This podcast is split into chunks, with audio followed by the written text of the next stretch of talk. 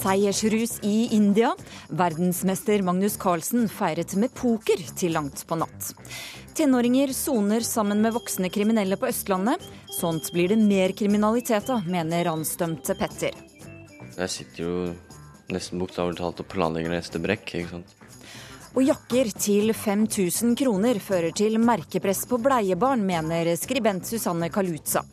La folk få bruke penger som de vil, svarer psykolog og pappa. Velkommen til ukeslutt her i NRK P1 og P2. Jeg heter Elisabeth Onsund.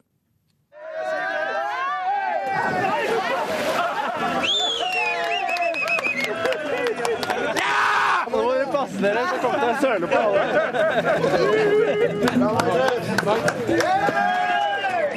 Dette er bra, vet du. Jeg, jeg, sa, jeg sa en eller annen gang tidligere at uh, nå skal jeg uh, slutte å være sjakkspiller en stund og være kjendis i stedet. Så kanskje det passer. Ja, Det var noen jubelscener fra India da Magnus Carlsen altså tok innersvingen på dobbelt så gamle Anand og innkasserte VM-seieren.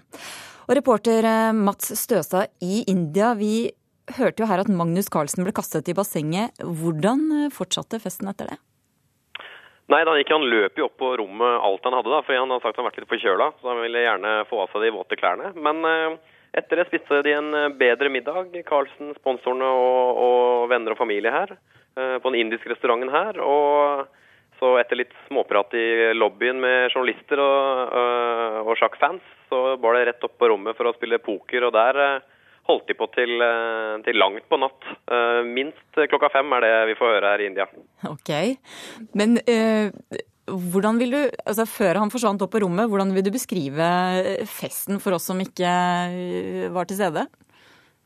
Nei, det, det var jo en, en greie arrangert av sponsorene der, det, som, som, blir en, mer, mer, en sånn altså De blir, blir veldig ofte uh, små utvekslinger av høflighetsfraser og sånne ting. Men her var det skikkelig hyggelig og bra. Og det at Magnus Carlsen ble kasta i bassenget og, og var så, så, glad og fornøyd hele tiden, gjør at han var uh, Det ble en ordentlig hyggelig fest. Nå var ikke jeg med på middagen, men etterpå kom Magnus ut i, i lobbyen til bl.a. oss journalistene. Og han var veldig lett og ledig og helt åpenbart glad. Samtidig så var han nok eh, kanskje litt lei av å snakke om sjakk, for det han var mest eh, opptatt av å prate om, det var eh, basketball, faktisk. Ok. Men du, det må jo være litt morsommere å være på fest når man tross alt er verdensmester. Fikk han noe ekstra oppmerksomhet fra damene? Det er jo ikke så veldig mye damer her i sjakkmiljøet. Det må man bare innrømme med en gang. Men de få som er her, de er selvfølgelig veldig opptatt av Magnus. Han ble jo av Time Magazine i går kveld, kalt for sexsymbolet som ble verdensmester.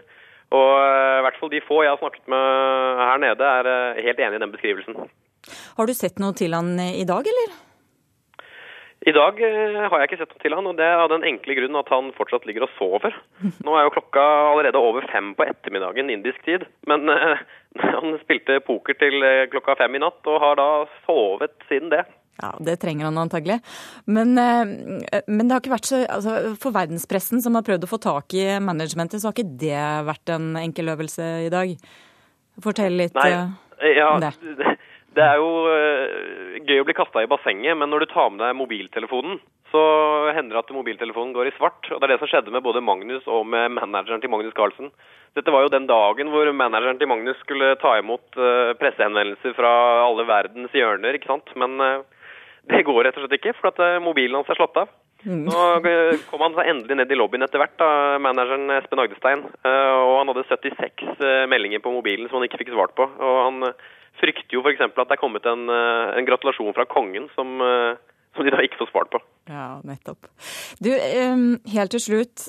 Når bør fansen komme seg på toget opp til Gardermoen for å ta imot Magnus Carlsen?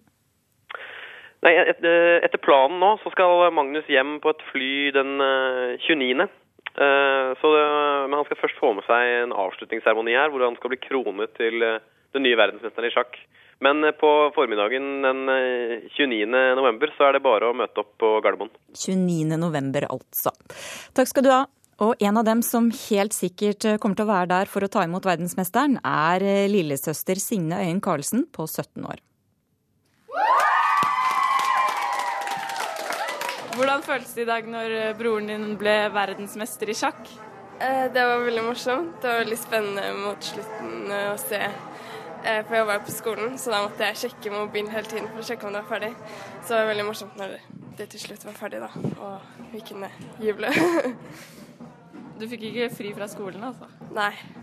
Det var visst flere som hadde fått anmerkning for å sitte på mobilen under partiet, men eh, jeg fikk heldigvis ikke det, da. Han er veldig kjekk, og så er han veldig flink. Og så er det morsomt at det er eh, lokalt og at det er norsk. Det er veldig kult. Han er veldig flink og ja. Jeg er helt enig. Jeg syns det er dritfett at han er norsk, og jeg kjenner søsteren kjempegodt. Jeg syns det er dritfett.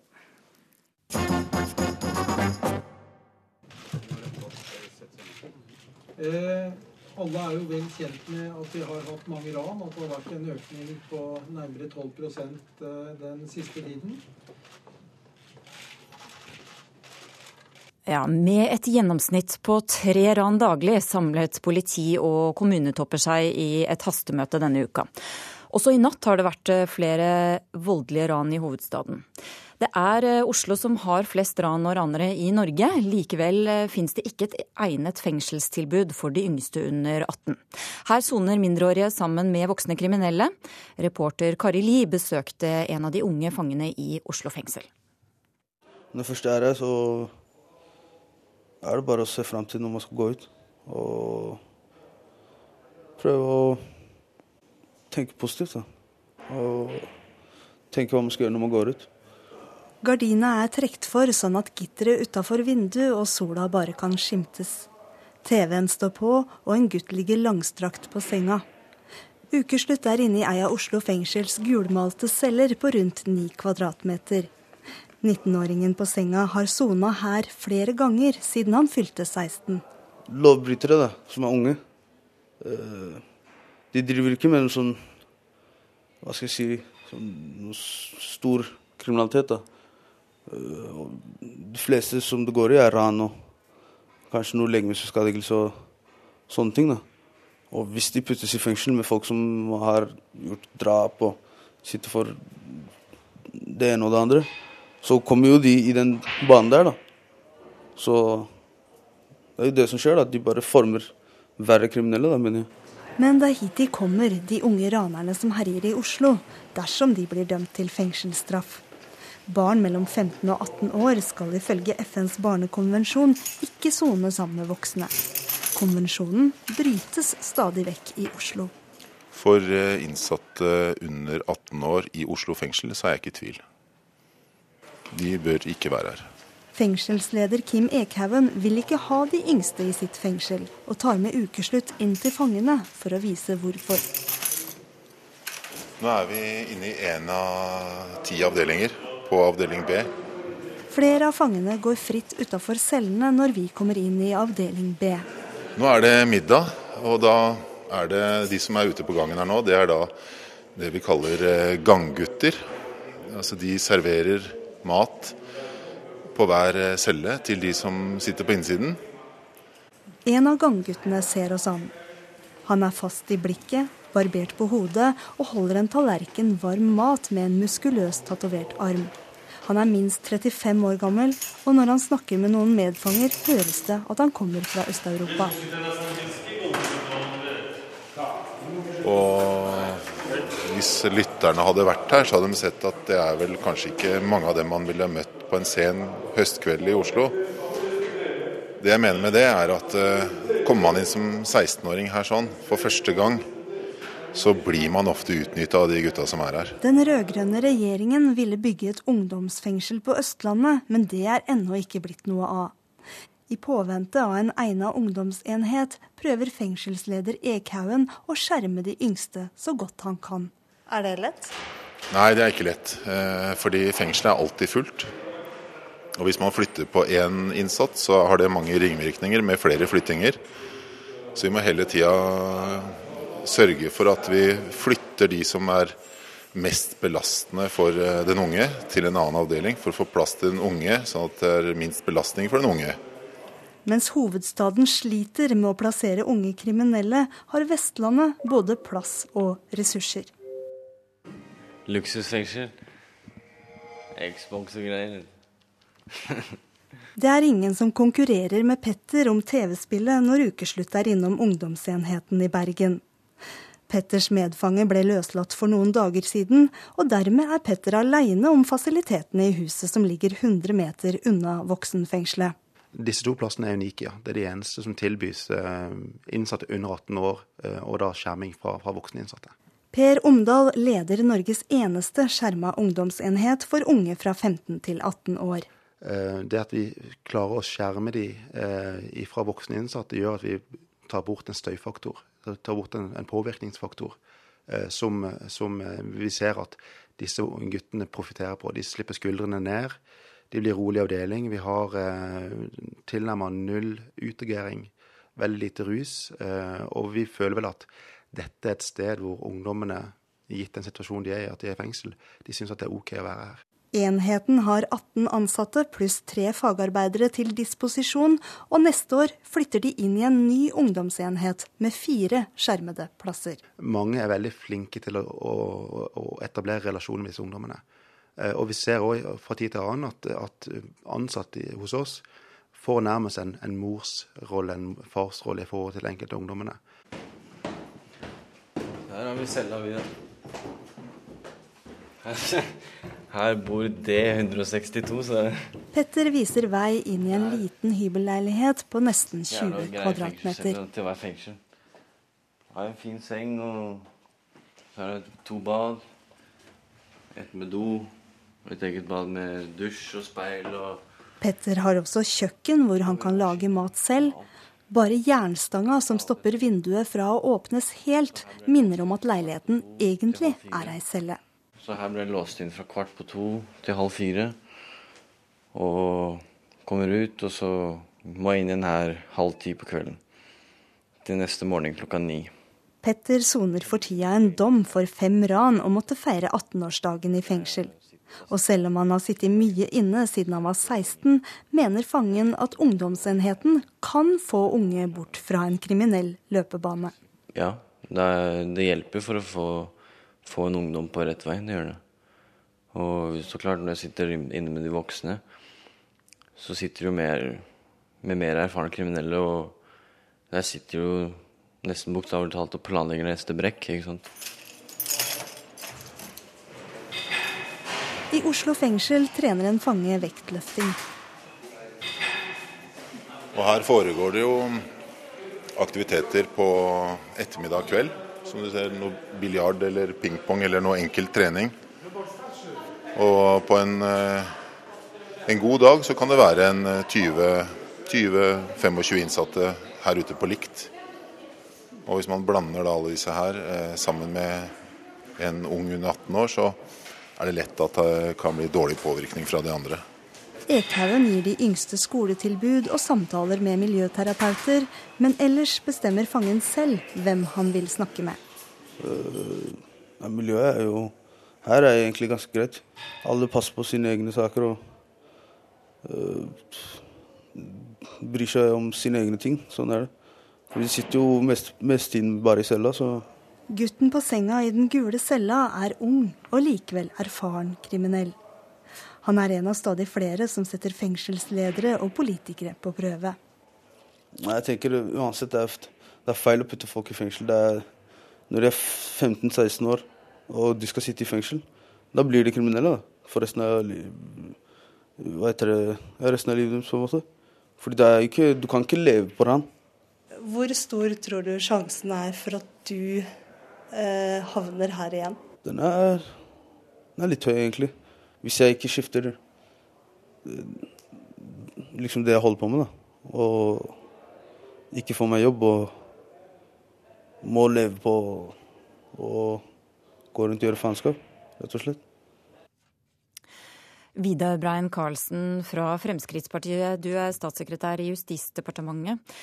Syns du det er forsvarlig at eh, mindreårige kriminelle på Østlandet soner sammen med andre voksne kriminelle? Vi ønsker å unngå at eh, ungdommer under 18 år skal sone i lag med andre voksne. Derfor gjøres det tilpasninger, sånn som reportasjen her eh, viser. Og, og eh, vi forsterker det, det, vernet som er rundt, eh, rundt ungdommer når de først må være i fengsel. Vi skulle helst sett at færre unger er i fengsel. Men eh, noen ganger er det tvingende nødvendig. Enten fordi at de gjør veldig grov kriminalitet, eller fordi at de gjør det gjentatte ganger. Når det er sagt, så, så vil jeg presisere at eh, dagens situasjon I går var det fem eh, under 18 år til sammen i norske fengsel. Det er en som soner en dom, og så er det fire som sitter i varetekt. Så det er veldig få. Men de som først er der, de har vi et forsterka opplegg rundt. Mm. Eh, Erik Heisruf, leder i Advokatforeningen. Eh, ungdomsfengsler, er det veien å gå?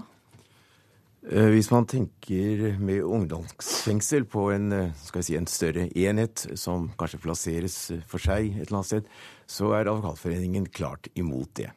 Hvorfor det? Jo, det er spørsmål om å prøve å tenke litt tilbake i tid. For det, det man da igjen gjeninnfører i Norge, det er eh, det såkalte ungdomsfengselet som vi hadde på 50- eller 60-tallet.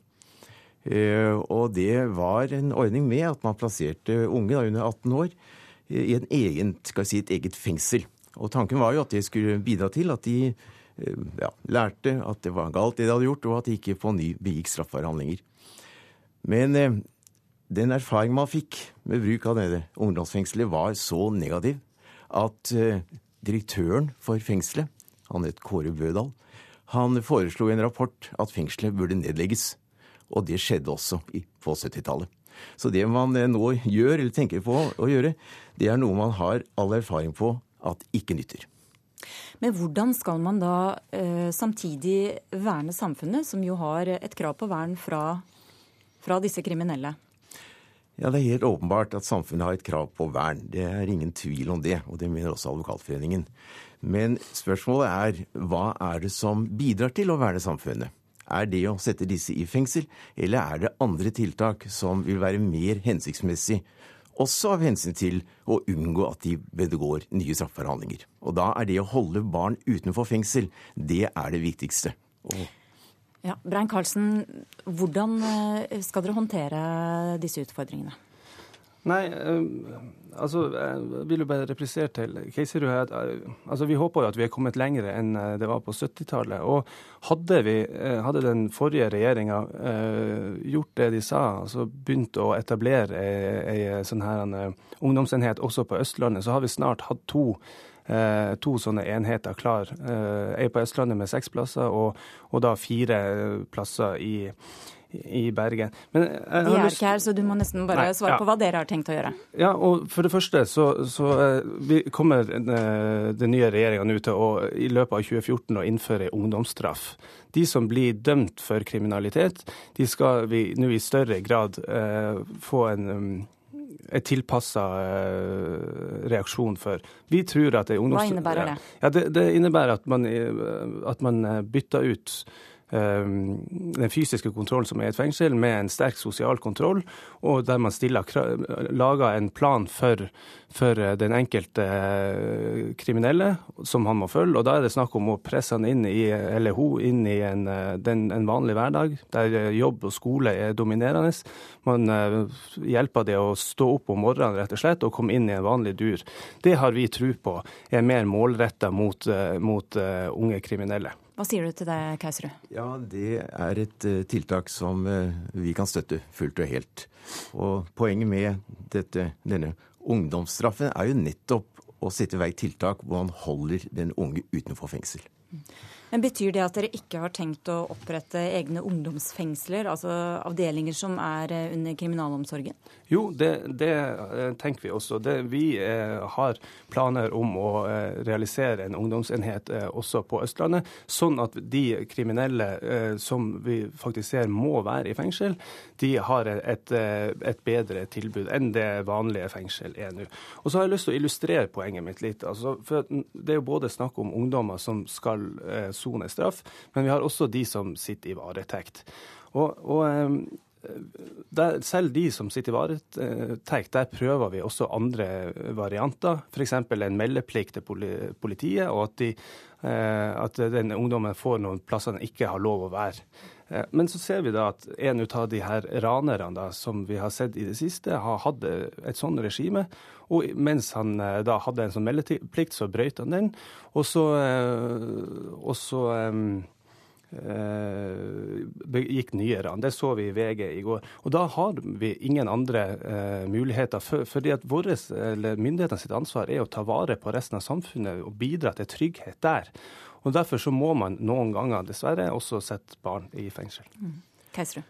Ja, det kan være situasjoner hvor man må ved fysiske midler hindre at en unge begår nye straffbare handlinger.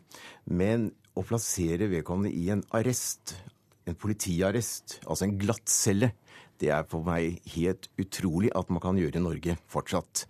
Det er det ene. Og for det andre så har vi jo Men barnevernet. hvordan skal man da holde de unna? Samfunnet? Ja, Vi har også barnevernet inne i bildet her, og de har jo også mulighet til å ta vare på den unge.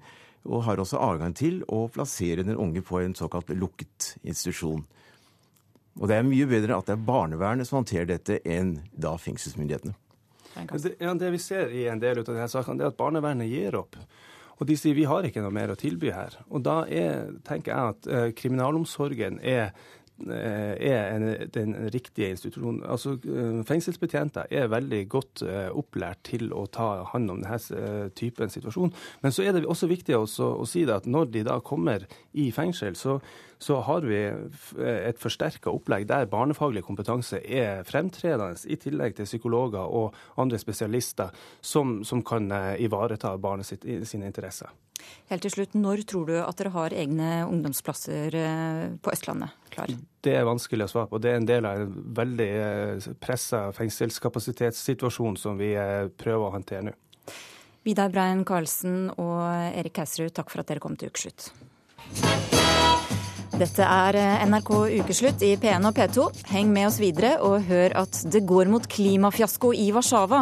Sivil ulydighet må til, sier kvinnen som brøt seg inn eh, på det danske slottet for å redde miljøet. Og Arne Skeie gir seg som fotballkommentator i morgen. Det har vært en utrolig reise for en enkel gutt fra Skedsmo, sier kommentatorlegenden. Nå skal det handle om merkeklær for barn.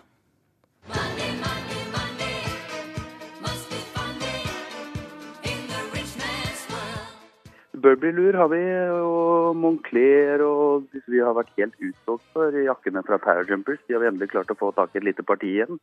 Ellers er det jo mye Canada Goose-jakker som går, eh, da vi nå er eneste barnebutikk i Norge som har Canada Goose. Hva koster en Canada Goose-jakke for et barn på fire år? Da koster den fra 2008 og opp til 4006.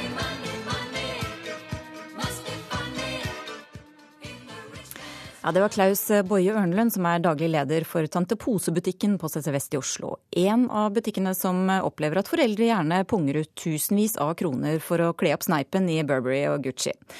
Debatten har gått varm på nettaviser og sosiale medier etter oppslag i flere aviser. Og en av dem som har reagert er deg, Susanne Kaluza. Du er blogger, journalist og mor. Hva synes du om å kjøpe så dyre klær til barn? Det syns jeg mange ting om. Uh, det ene er at uh, er at når det gjelder barn som er så små som det har vært snakk om i disse nyhetssakene, da, eh, babyer og barn i barnehage og førsteklasse på barneskolen, så er det et behov som barna ikke har sjøl. Det er ingen eh, treåring som peker på klesstativet og sier de vil ha en eh, Chanel-genser. Ehm, så dette her er noe som foreldra trer nedover huet på ungene. Og så kan man tenke at ja, men kan ikke alle foreldre bare få gjøre som de sjøl vil? Men poenget er jo at du da innfører et eh, merkepress eh, til barn som, eh, som overhodet ikke har bedt om det, og til de andre barna i barnehagen. Og Fredrikstad Blad f.eks. Skriver og siterer SIFO-forsker Mari Ryst på at hun har fått meldinger fra flere barnehager på at barnehagebarn mobber andre fordi de har feil klær. Og da tenker jeg at voksne mennesker må stikke fingeren i jorda og spørre seg selv har jeg lyst til å bidra til en slik utvikling, eller har jeg lyst til å være en motvikt til å gi barna mine et kommersielt press i barnehagealder. Peder Kjøs, du er psykolog, og du skriver også for KK. Hva syns du om det Susanne Kalutza sier her? Jeg får liksom ikke helt til å liksom hisse meg så opp over det. Jeg, jeg, tenker nok mer sånn at hvis folk har lyst til å bruke penger på det, så er vel det deres eh, sak, på en måte. Uh, tenker jeg. Og, og, det er klart, uh, for meg så er det absurd å bruke 5000 på en jakke til et barn, men det, for meg er det også absurd å bruke en million på bil, liksom. Men det er jo mange som gjør det, og det er dem om det, liksom. Mm -hmm. Men hva syns du da om kritikerne som, uh, som hisser seg opp? Ja, jeg, jeg syns at noe av, noe av, den kritikken har et snev av en sånn type sjølgod moralisme over seg, syns jeg, som jeg ikke syns noe særlig om. Som er en sånn derre sånn der sunn fornuft, barnas beste-argumentasjon, som eh, egentlig er en veldig sånn måte å prøve å ta moralsk innersvingen da, på noen som liksom leder i en annen konkurranse enn akkurat det, liksom. Som jeg syns er litt sånn eh, Hva slags konkurranse snakker du om da? Nei, det er jo Noen konkurrerer om å ha finest og flottest, og noen konkurrerer om stil og, og sånne ting. Og andre, andre som da på en måte øh, ikke har så eh, mulighet eller lyst til å være med på det, kan jo konkurrere om noe annet, f.eks. om å da mest eh, høyverdig moral, f.eks. Kalusa, driver du bare og moraliserer her, eller hva er det du holder på med? Nei, jeg prøver å oppfordre foreldre til å tenke seg om. Det er klart at man må få velge sjøl hva man bruker pengene sine på, men forskjellen på at en voksen person bruker sine egne penger som de har tjent sjøl på å kjøpe seg en dyr bil, og på at de innfører et merkepress i, eh, til bleiebarn, det er at det ene dreier seg om dem sjøl, og det andre dreier seg om barna. Og så kan man spørre seg om man har et ansvar for andre enn seg sjøl i denne verden, og man har et ansvar for andre eh, enn sitt eget barn. Og man også har ansvar for hva slags signaler man sender, og hva slags press man legger på barna i, i nærmiljøet. Ja, Kjøs, hvorfor skal barn ned i seksårsalderen gå i Gucci og Burberry og sånn som de vokser fra om 25 eh, minutter allikevel? det er klart, når det, gjelder, når det, gjelder, små unger, så er det jo helt klart at det der er foreldrenes interesse. Selvfølgelig er det det. det er jo, ungene er jo antagelig ikke særlig opptatt av det. Men det er jo noe med at familier har jo den livsstilen de har, da. Og jeg, og jeg tenker også den eh, man, man, gjør det jo ikke sånn at barna skal spare til eller ha råd til sine egne ting på andre områder heller. Man, man, det er jo ikke sånn at de voksne drar på en dyr ferie, men så tar de ikke med ungene for å ikke innbille ungene at de skal ha råd til å dra på sånne ferier, liksom. Eller, så det, det, er jo også en sånn statussteder eh, eh å være på ferie, f.eks. Og, og det er jo noe unge snakker om, og som man også kan si akkurat det samme om. da. Alle burde dra på den samme ferien, sånn at ingen blir mobba for å ikke dra på en uh, fattigmannsferie. liksom. Eh, jeg tenker på en måte Vi må bare forholde oss til at folk har forskjellige måter å bruke penger på, og forskjellige haug med penger å bruke av også, liksom. Og at uh, jeg tror ikke det er noen gangbar vei det der at alle skal på en måte gjøre likt for at ingen skal føle seg utafor. Det, det, tror jeg bare ikke kommer til å skje. Og det har aldri vært sånn noen gang heller. Men det handler om hva slags verdier vi ønsker å gi til barna våre. Og det er ikke alt som er riktig å gjøre bare fordi vi har penger. Ja, vi har absurd mye penger i dette landet her. Vi sitter med rumpa i en oljeformue. Men det gir, det gir oss ikke en, en carte blanche til å oppføre oss sånn som vi vil, og kaste, kaste penger ut av vinduet. Ja, Kjøs, hva med verdiene som vi bygger inn i barna? Ja, jeg, jeg, tenker Det finnes jo sosiale forskjeller, liksom, og vi kan ikke på en måte late som om de ikke fins. Og, og jeg synes det det, blir, det, det, er litt rart da, å skulle late som at det ikke er sosiale forskjeller, og det er det. Til slutt, eh, Kjøs, hvor går grensen, det, altså, Dere er begge foreldre. Hvor går grensen eh, for deg? Hvor mye kan du bruke på en jakke f.eks. til en av dine? Det, jeg kan ikke si noen sum på det. Det er egentlig kona mi som tar de avgjørelsene. Men vi bruker, vi bruker, en god del penger på klær, og vi, bruker, eh, vi kjøper det vi har råd til og som vi syns er fint. Og det at noen har råd til en tre ganger så dyr jakke, det bryr jeg meg egentlig ikke så mye om. Susanne Kalusa, hva med deg? Hvor går grensen? Du, vi prøver å arve så mye klær som, vi, klær som vi kan. Eh, jeg tror jeg aldri kommer til å kjøpe noe jakke som, eh, som eh, koster mer enn et plagg jeg eier sjøl til barnet mitt. Og jeg vil heller at hun skal gå i litt styggere klær, og ikke få så utrolig mye fokus og komplimenter på utseendet sitt fra hun er bitte liten. Så lenge det er varmt og, og behagelig å ha på seg, så er det mer enn bra nok for henne. Og nå skal vi til Polen. Det er eh, sjokkerende og skuffende at vi ikke kommer noen vei, sier delegasjonsmedlem fra Trinidad og Tobago. Klimaforhandlingene i Warszawa skulle vært avsluttet i går, men fortsetter altså på overtid i dag. Reporter Eivind Molde har vært i plenumssalen i formiddag, der forhandlingene foregår.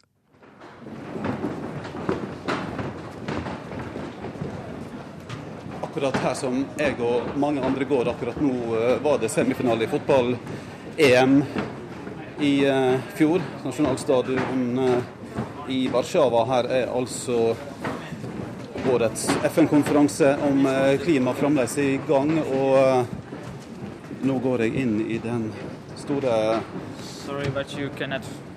Can you turn off it? Okay. And you're recording. Ja, jeg slapp inn så vidt det var med opptaksutstyret, og det er en innspurt som kan bli lang, for framleset. altså veldig mye uklart. Det er helt uvisst når det blir en konklusjon på dette klimamøtet her i Warszawa. Her på bakerste benk sitter Sven Søyland fra Bellona. Hva er det som skjer? Nei, Jeg har sovet to timer i natt. Jeg fulgte forhandlingene frem til klokken fem, og så opp igjen syv. Her står det veldig fast. Og det som er, det er at alle vil ha omkamp på hvem som skal betale, hvem som skal gjøre ting først, og hvem som har skylden for at dette står fast.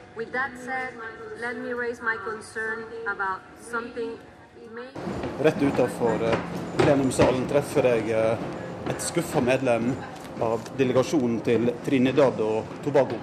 Uh, I guess for us, the most difficult thing to try to navigate was the extreme lack of trust that existed between parties and really frustrated the discussions. It's it's it's it's very it's very sobering. It, it's a reality check. I mean, we are here trying to lay the foundation for a post 2020 agreement, and and you know everything in the pre 2020 period seems to be up in the air and slipping off the table. I mean, commitments that were made, parties are trying to see how they can how they can wiggle out of them, and it's it's it's just really shocking and disappointing. De siste 100 år har mennesker klart å ødelegge over halvparten av jordens skoger.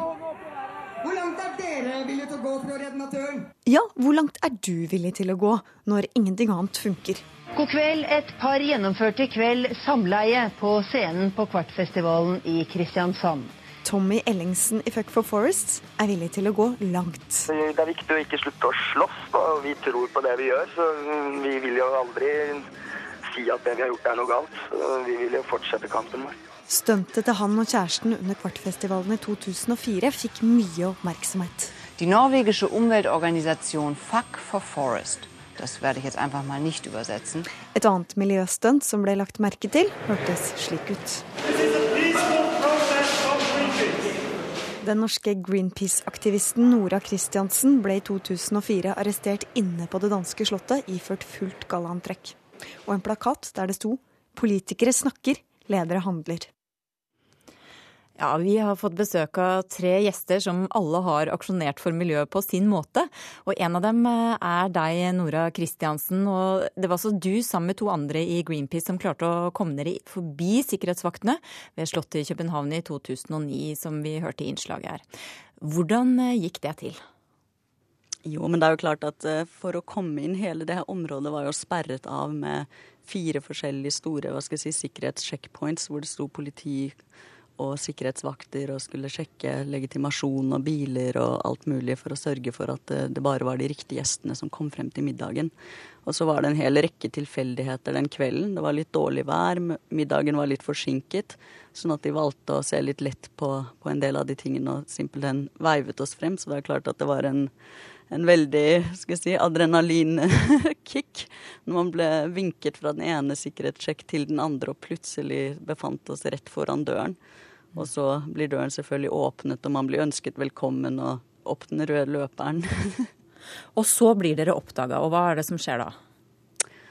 Nei, altså vi hadde jo, hadde jo, ikke til hensikt å gå inn i middagen, så det var jo, var jo, vår hensikt at så fort vi kom inn i den foajeen hvor vi visste at mediene, de akkrediterte mediene sto, så skulle vi folde ut bannerne våre og, og komme med budskapet, og så forlate stedet. Mm. Deretter så gikk det jo veldig fort. Det var jo Jeg ble jo arrestert og kjørt til politihuset, og så varetektsfengsling i tre uker med brev- og besøksforbud. Så, mm. så jeg husker det jo godt. Tre lange uker. Men det er klart at det var, det var, en gjennomtenkt handling, fordi det var Det er jo fire år siden nå, men det var jo helt på slutten av klimatoppmøtet i København, som jo var et møte som hele miljøbevegelsen og masse mennesker verden over hadde en helt enorm tro på. At vi endelig skulle få en bindende klimaavtale. Og Samtidig så så vi der den siste kvelden at, at lederne som var til stede på møtet, de valgte å, å ta til dronningen og spise middag og feire en jobb som overhodet ikke var gjort. Og da var det jo riktig tidspunkt for oss å prøve å sette litt søkelys på det. Petter Stordalen, eh, du fikk internasjonal oppmerksomhet da du tok deg inn på Sellafield-anlegget i England i 2002. Fortell hva det var som skjedde der. Først vil jeg si at det Nora beskriver her som, det er en effektiv måte å skape oppmerksomhet på. Det var det også på Sellafield og på Malmökalven, for meg. Men jeg tror kanskje ikke sittende her i dag noen år etterpå at det er en effektiv måte å skape endringer på. Um, og jeg er mer opptatt av endringene eh, enn av oppmerksomheten. Um, så jeg vil si at uh, noen ganger, kanskje i helt spesielle tilfeller, så er det riktig å gå til ekstreme skritt for å få en oppmerksomhet hvis du føler at det er en dyp urett. Uh, det var det for meg i de to tilfellene. Men i dag som sagt, så, så, tror jeg at effektive endringer de oppnår vi på andre måter. Fortell litt mer om konkret hva det var dere gjorde. For det var litt, altså litt galskap var det jo å ta seg opp i det anlegget. Ja, det er, og det er litt tilfeldigheter, litt sånn som Nora opplevde i København. Eh, litt flaks. Eh, litt Ja, da faktisk eh, Han politisjefen der, han hadde så stor sympati. Han hadde sett alt det som skjedde i nærområdet. Han så hvilken, hva dette representerte. Han ville egentlig, tror jeg, innerst inne i hjertet sitt at vi skulle lykkes. Så når de gikk til lunsj, så gikk vi opp. Og så klatra vi over et gjerde med noe piggtråd og sånt nå, og så kom vi opp på brua. Og så fikk vi folda ut den Stopp Sellafield banneret, som var gigantisk. Um, og så kom da politiet. Da hadde vi fått akkurat nok tid til å, til å felle det ut. Og da eh, pakka vi det egentlig sammen igjen uh, og forlot det der i stillhet. Og, og, og de syntes det var greit. Hva var det som beveget deg til å gjøre det? Det var nok en sånn frustrasjon over å ikke bli hørt. Frustrasjon over at det var mange som ikke så det som foregikk på Sellafield og de konsekvensene det kunne få, ikke bare eh, for England, men også for Norge. Mm. Og for de som ikke vet det, så Sellafield slipper jo da også ut radioaktivt uh, ja. avfall. Um, Irskesjøen er jo praktisk talt ødelagt pga. dette. Mm. Tommy Hoel Ellingsen fra Fuck for Forest. Som vi hørte i innslaget litt tidligere, så valgte du en ganske uortodoks aksjonsform, får vi si, under Kvartfestivalen for noen år siden. Hvorfor er det viktig å gå så langt? Det vil ikke jeg si at det var å, veldig, å gå veldig langt. Da. Det er jo på en måte å ytre seg for å få en, få en, reaksjon på hva man føler for. I kontrast til den uh, ødeleggelsen menneskene har gjort mot uh, naturen og kloden, så vil jeg vel si at det var en ganske, ganske soft måte å egentlig ytre meg på. Men hva oppnådde du med det? Altså, I første omgang så var det et uttrykk fra meg og Leonov, eh, akkurat som da tapte jeg banneret på, på, anlegget da, altså for, å, for, å, skrike varsko, på en måte. Uh, det var det i utgangspunktet for oss et, uh, et, uttrykk vi ikke visste om kom til å gå videre. eller noe sånt. Vi visste jo ikke om det kom til å fungere på lengre sikt. da. Men sånn i lengre sikt så har vi jo klart å samle masse penger og gjøre forskjellige typer prosjekter der vi kan hjelpe små små grasrotorganisasjoner som har vanskeligheter med å samle penger til å faktisk eh, kanskje ja, eh, inspirere dem til å se at det er noen som faktisk kan, som kan gi dem støtte. Så det, vi har sett at det har fungert, det også. Mm. Hva slags tillit eh, har du til politikere og, og, og de som da sitter f.eks. For og forhandler nå under møtet i, i Warszawa? Vel, Hvis jeg hadde hatt tillit til politikere, så hadde jeg kanskje jobba mer med politikk. Jeg vil si at kanskje Mange av de politikerne som er der inne og diskuterer, skulle kanskje vært eh, bytta ut med mange av de som står utenfor og protesterer. Da, som har faktisk et mer reelt forhold til uh, hva den kampen her handler om. Noen av de politikerne som sitter her, er kanskje mer problemet enn det det er løsningen. Petter Stordalen, hva slags tillit har du til politikerne jeg har, absolutt, jeg har absolutt tillit til politikerne, mm, og jeg ser kompleksiteten. Ehm, men det er et annet ting med som er ganske interessant. En av de viktigste virkemidlene vi ser i dag, som jeg tror skaper mye større endringer, er nettopp den endringen som har skjedd på de ti årene. Sosiale medier kan i dag skape enorme endringer, så at internasjonale selskaper blir rystet i grunnvollene. Mm. Se på Starbucks-eksempelet i London hvor, hvor, hvor demonstrasjonene og sosiale medier eh, de hang seg på at de ikke hadde betalt skatt på ti år. Um, og så fikk det liksom en hel en global kjede til, å reagere. Uh, og det, Dette har vi mange eksempler på. Hjemlige trakter har vi Peppes Pizza, som fjerna gåseleveren i løpet av 24 timer. Så Der politikerne ikke handler, så kan forbrukerne handle. Og, da, og jeg tror nok i dag mye mer på det, eh, og den type aktivisme. Og det, det vi ser i en rekke store selskaper i verden i dag, de er med på å gjøre de endringene som politikerne ikke får til. Eh, og jeg tror at Vi har ikke tid til å vente. Det tror jeg både liksom Tommy og Nora og jeg er enige om. Altså Vi har ikke tid til å vente, og da må vi begynne. Og da begynner vi med at forbrukeren tar makten tilbake. Nora Kristiansen, du har vel fortsatt en viss tro på aktivisme i Greenpeace der du er nå? Ja, jeg har, jeg har, fortsatt tro på aktivisme. Jeg har fortsatt tro på politikerne og på, på FN-prosessen. Altså, vi har jo ikke råd til å gi opp på, på, den prosessen. Men samtidig, når vi ser på omfanget av hva vi kjemper for, så tror jeg at vi er nødt til å intensifisere den ikke-voldelige sivile lydigheten. Mm. Hva tror du blir eh, ditt neste stunt? Nei, jeg vet ikke. For meg så er oljeletingen i Arktis er den største miljøkampen vi har i vår del av verden akkurat nå. Fordi det er der kampen står om hvordan fremtiden skal se ut. Så jeg skal ikke se bort fra at min neste aksjon det kommer til å handle om oljeleting i Arktis. Cupfinalen i morgen markerer slutten på en æra i norsk fotball. Stemmen som har ropt og skreket fra radio- og TV-apparater under lørdagsgrøten i 40 år, lukker nå døra til kommentatorboksen. Er det straffespark? Skal vi komme videre? Heddes det i mål? Det er glimrende spill. Gi den inn i feltet! Og han skyter i mål!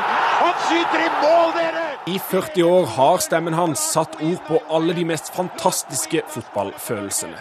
Men i morgen er det slutt. Cupfinalen mellom Rosenborg og Molde er Arne Skeies siste kamp som fotballkommentator. Har nesten ikke ord når jeg eh, sier til meg selv, og det gjør jeg ofte, du verden hvor privilegert denne enkle gutten fra Skedsmo er.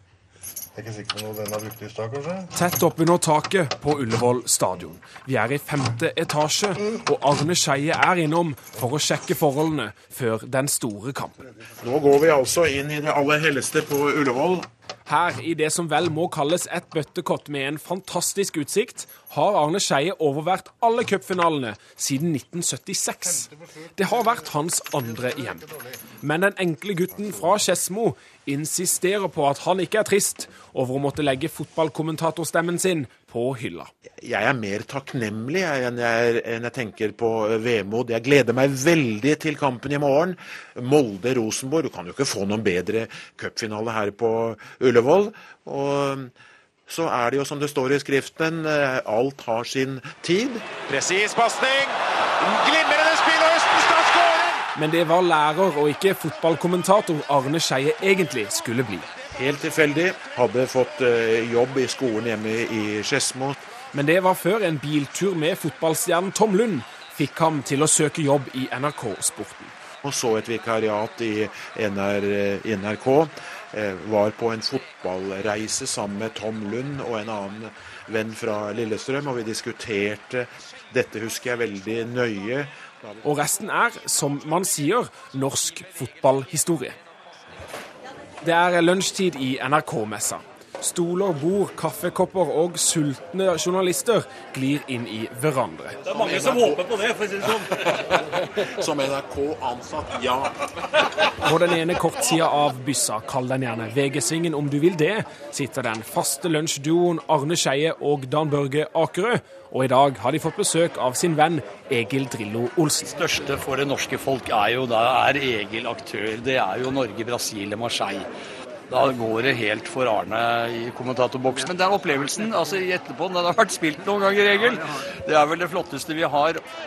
Ja! Er det straffespark, dere? Er det straffespark? Han skårer! Norge leder 2-1! Norge leder! Viva la Norvège! Og led Norge! Åh! Det er ingen som sitter inne med så mye faktakunnskap om, om fotball som, som Arne. Eh, det var pent sagt av tidligere landslagssjef, men det stemmer selvfølgelig ikke. Det er helt, helt opplagt. Jeg har sett dette rundt. Vi har reist en del sammen, og sånt, og folk kommer med de rareste spørsmål om hvem som spilte venstreback på et eller annet lag. I, i, det er bare Arne vet det. Ja, og, og et langt oppe i Gudbrandsdalen. Han vet jo akkurat når han skifta bakskjerm på bilen. Det er eh, ikke til å holde ut hvilke detaljer han sitter inne med. Den detaljkunnskapen tjener Skeie vel når han skal gjenfortelle sitt favorittøyeblikk fra Ullevål stadion. Norge vinner 2-0 over England og er mer eller mindre klare for det første VM-sluttspillet for Norge etter krigen. Det var det målet når vi står her i kommentatorboksen, det målet til Høyre. Det angrepet og det målet er et av de flotteste det norske fotballandslaget noensinne har prestert. Glimrende spill fra Mykland til Leonardsen på venstresiden. Har med seg Bohinen inn i feltet. Og Lars skyter i mål! Han skyter i mål, dere! Da var det fantastisk stemning i hele tatt. På 90-tallet var det jo eventyrlig å få følge det norske landslaget. Vi leder 2-0, og Lars Bohinen har gjort det igjen. Lars Bohinen har skåret for Norge, og vi leder 2-0. Etter i morgen så får du ikke Arne Skeie til å lose deg gjennom seier og tap, glede og frustrasjon. Om ikke du har skikkelig flaks og får det helt riktige setet på Ullevål stadion, da. Neste år så sitter jeg på Ullevål uten press, uten forventninger, og ser cupfinalen. Med Drillo og Dan Børge Akerø? Ser ikke bort fra det. Reporter var Steinar Solås Suvatne. Ukeslutt er slutt. Ansvarlig for sendingen Ida Tune Øritsland. Teknisk ansvarlig Finn Lie. Skript Lars Christian Rød. Jeg heter Elisabeth Onsum.